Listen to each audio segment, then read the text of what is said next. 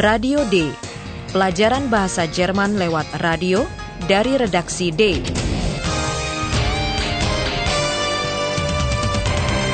Proyek bersama Goethe Institut dan Radio Deutsche Welle. Naskahnya ditulis oleh Nyonya Herat Mese.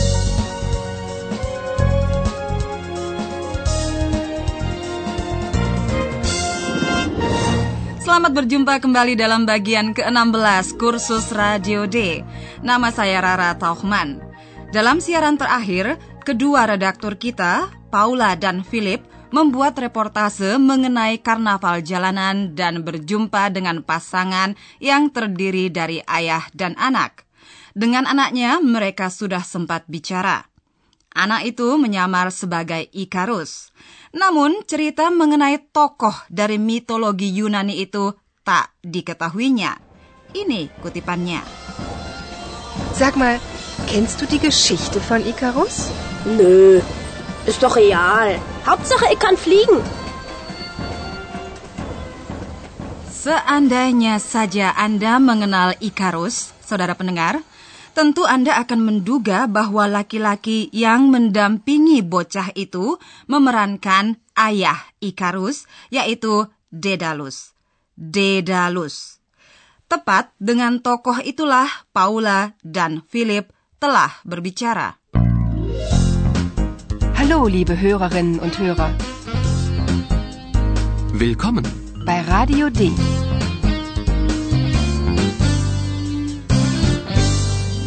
Radio D. Die Reportage. Dengarkan pembicaraan dengan lelaki yang berkostum Dedalus itu dan coba pusatkan perhatian pada dua pertanyaan berikut. Dari mana asal orang itu? Apa persamaannya dengan Dedalus? Und dann sind Sie wohl Daedalus? Ja, ich bin der Vater vom Ikarus. Daedalus und Ikarus. Die Geschichte ist ja sehr traurig. Ja, das gibt. Daedalus war im Exil. Und ich, also ich, irgendwie bin ich ja auch im Exil. Woher kommen Sie denn? Na, aus Kreta.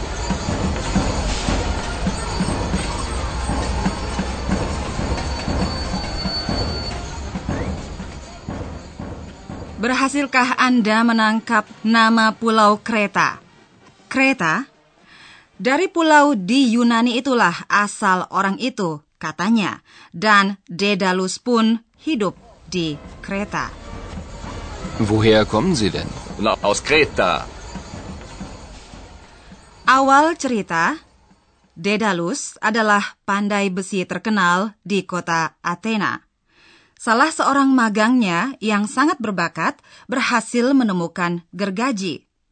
Begitu iri hati Dedalus karena keberhasilan itu, sampai magang itu, begitu cerita mitologi, dijatuhkannya dari atap Kanisa. Dedalus kemudian mengungsi ke Kreta dan hidup dalam eksil. Eksil. Jauh dari kampung halaman. Nasib itulah yang terasa menjadi ikatan batin antara lelaki itu dan tokoh Dedalus. Daedalus war im Exil. Und ich, also ich, irgendwie bin ich ja auch im Exil. Dalam musim karnaval, permainan dan kesungguhan memang sulit dibedakan. Rasanya kita tidak pernah akan mengetahui dengan pasti apakah lelaki itu betul-betul berasal dari Kreta. Hal itu tidak mustahil sebab banyak orang Yunani bermukim di Jerman. Pembandingan antara eksil yang dialami Dedalus dan kehidupan orang itu di Jerman tentu tidak begitu tepat. Hal itu disadari lelaki itu sendiri. Oleh karena itu dikatakannya bahwa entah bagaimana, irgendwie, ia hidup dalam eksil. Und ich, also ich, irgendwie bin ich ja auch im Exil. Yang dimaksud kiranya kehidupannya yang jauh dari kampung halaman. Hal yang dapat kita pastikan, lelaki itu memakai logat Köln. Ucapan Paula bahwa cerita mengenai Ikarus dan Daedalus itu sangat menyedihkan dijawabnya dengan nada khas Köln. Ya, ada saja hal seperti itu. Daedalus und Ikarus. Die Geschichte ist ja sehr traurig. Ja, das gibt. Kita tidak tahu cerita seperti apa yang disampaikan lelaki itu kepada anaknya. Yang jelas, cerita asli yang kita kenal dari mitologi Yunani berakhir dengan sangat sedih. Di Pulau Kreta, Daedalus dan Ikarus ditahan dalam sebuah labirin. Apa sebabnya tak sempat kita bicarakan di sini. Yang penting, Daedalus telah mengambil keputusan untuk melarikan diri bersama anaknya. Gagasannya cemerlang ia mengumpulkan bulu burung yang dilekatkannya dengan lilin dan disusun menjadi sayap. Sayap tiruan itu diikat pada punggungnya sendiri dan punggung anaknya. Dengarkan versi kami dari cerita tersebut.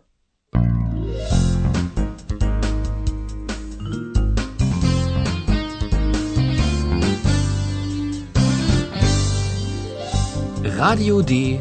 Das Hörspiel. Bayangkan situasi sekitar penerbangan itu. Dalam pada itu, kontras antara tinggi, hoch, dan rendah, tief, memegang peranan penting. Dengarkan kini adegan tersebut.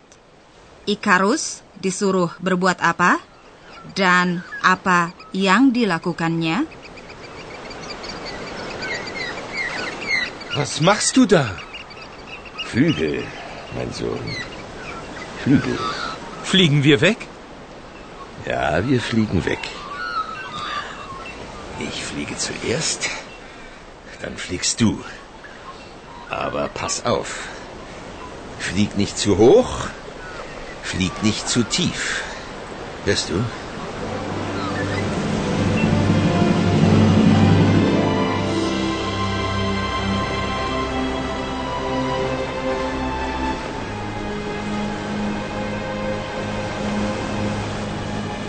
Fliegen und fliegen. Und es ist wunderschön. Ikarus ist glücklich und fliegt hoch, hoch. Er fliegt zu hoch.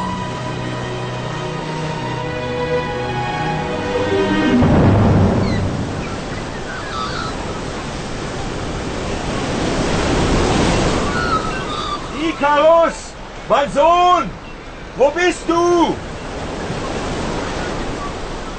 Ikarus!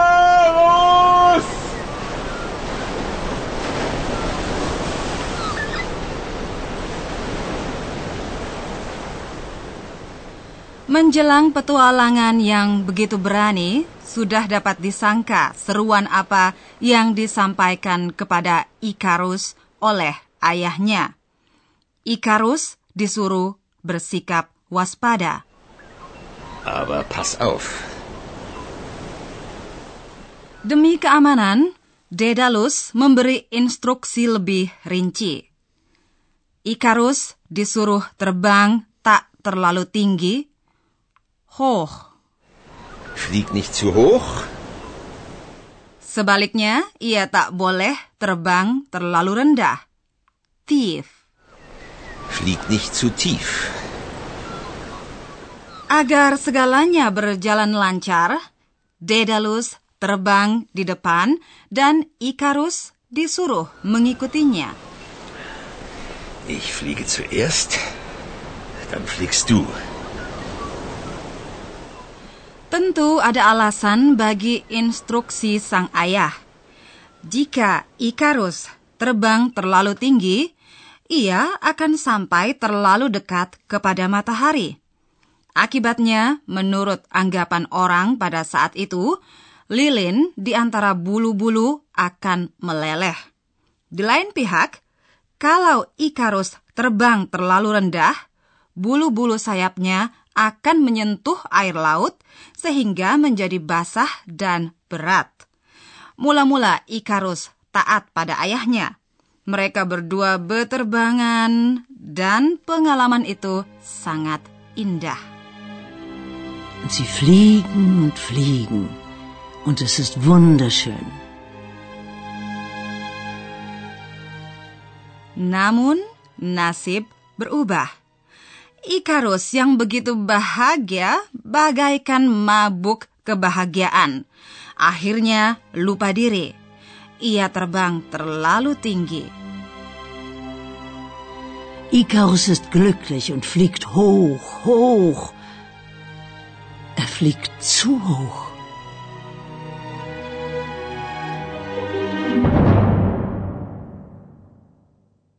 Ikarus jatuh ke laut. Ayahnya yang putus asa hanya melihat beberapa bulu yang terapung di permukaan laut. Sia-sia ia memanggil anaknya. Icarus! Mein Sohn!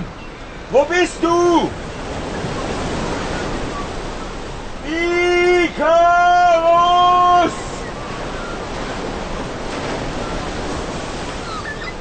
Ya, saudara pendengar, kita harus kembali ke masa sekarang karena profesor kita sudah menunggu. Und nun kommt unser Professor. Radio D. Gespräch über Sprache.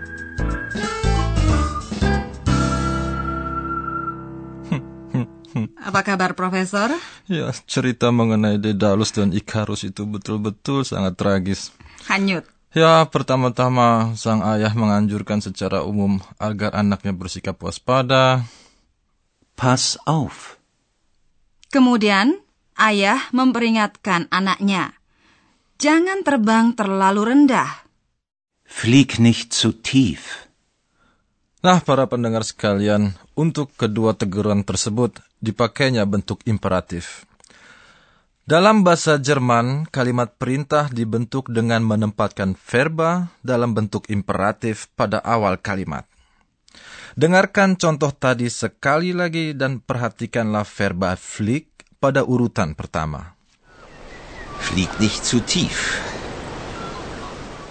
Rupanya sang putra, Ikarus, tidak menangkapnya sebagai tuntutan yang serius, melainkan sebagai nasihat saja. Kalau tidak, mungkin dia tidak sampai jatuh ke laut. Oh, pertanyaan itu maaf sekali Ibu Rara, tidak dapat saya jawab. Akan tetapi, pokok pikiran yang Anda kemukakan penting juga. Karena kita semua tahu bahwa bunyi ajakan, biarpun yang dipakai untuknya adalah bentuk imperatif yang sama, dapat jauh berbeda. Jadi, bentuk imperatif itu dapat memenuhi berbagai fungsi tergantung dari intonasi dan konteksnya. Nah, kalau diucapkan dengan nada netral, maknanya adalah nasihat. Pass auf. Flieg nicht zu hoch.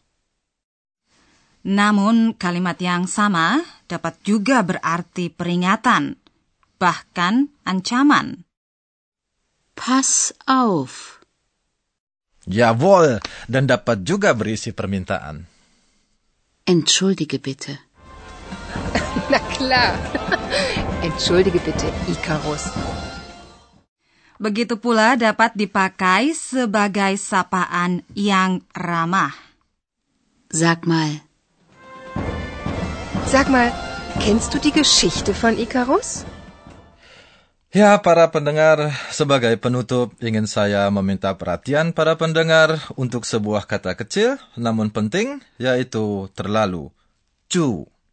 Khususnya kalau mendahului adjektiva. Dedalus tidak memberi peringatan umum kepada anaknya supaya dia tidak terbang tinggi atau rendah. Ia memperingatkan Ikarus agar jangan melampaui norma tertentu. Artinya, tidak terbang terlalu tinggi atau terlalu rendah. Konsekuensinya kita ketahui bersama. Ja, mein Sohn. Wir fliegen weg. Aber pass auf. Flieg nicht zu hoch, flieg nicht zu tief.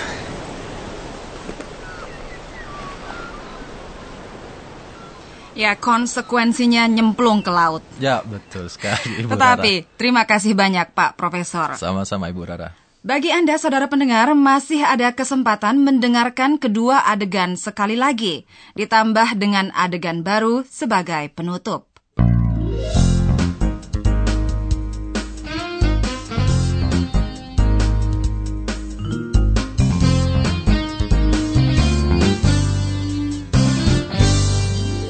Dengarkan bagaimana lelaki yang menyamar sebagai Dedalus merasa bernasib sama dengan Dedalus yang asli.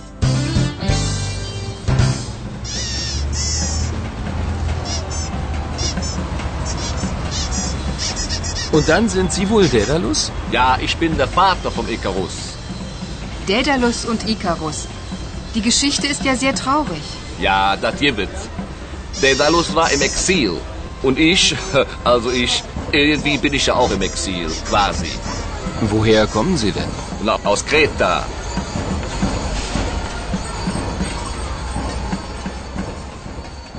Seperti ini inti cerita mengenai Daedalus dan Ikarus dalam mitologi Yunani.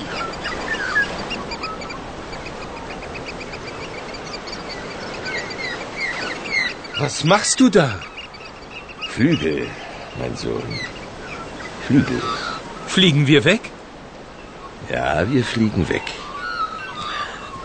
Ich fliege zuerst, dann fliegst du. Aber pass auf. Flieg nicht zu hoch, flieg nicht zu tief. Hörst du?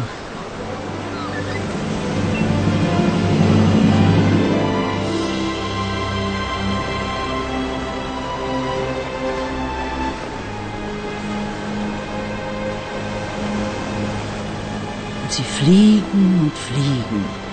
Und es ist wunderschön. Ikarus ist glücklich und fliegt hoch, hoch.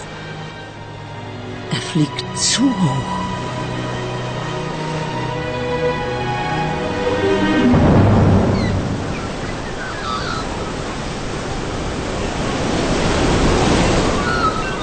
Ikarus! Mein Sohn! Wo bist du?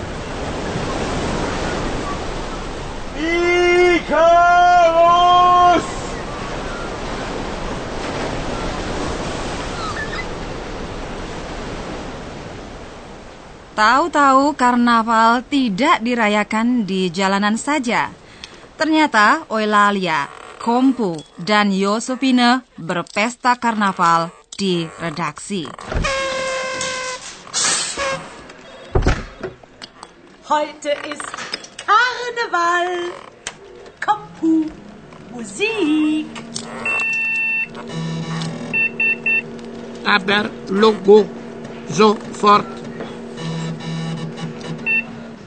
Ja, wenn hinter fliegen, fliegen, fliegen, fliegen, hinter fliegen, fliegen her. Seht mal, ich habe Flügel. Ist das nicht super? Ich fliege, ich fliege. Ah!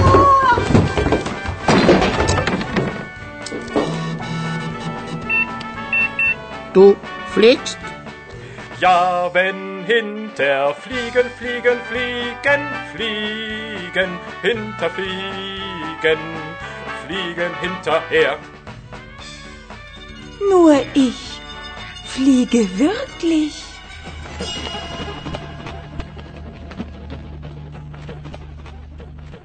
Dengan demikian kita menutup musim karnaval untuk tahun ini. Liebe Hörerinnen und Hörer, bis zum nächsten Mal.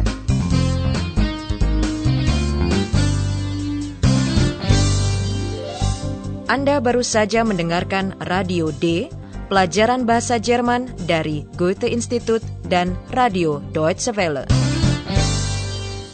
Und tschüss.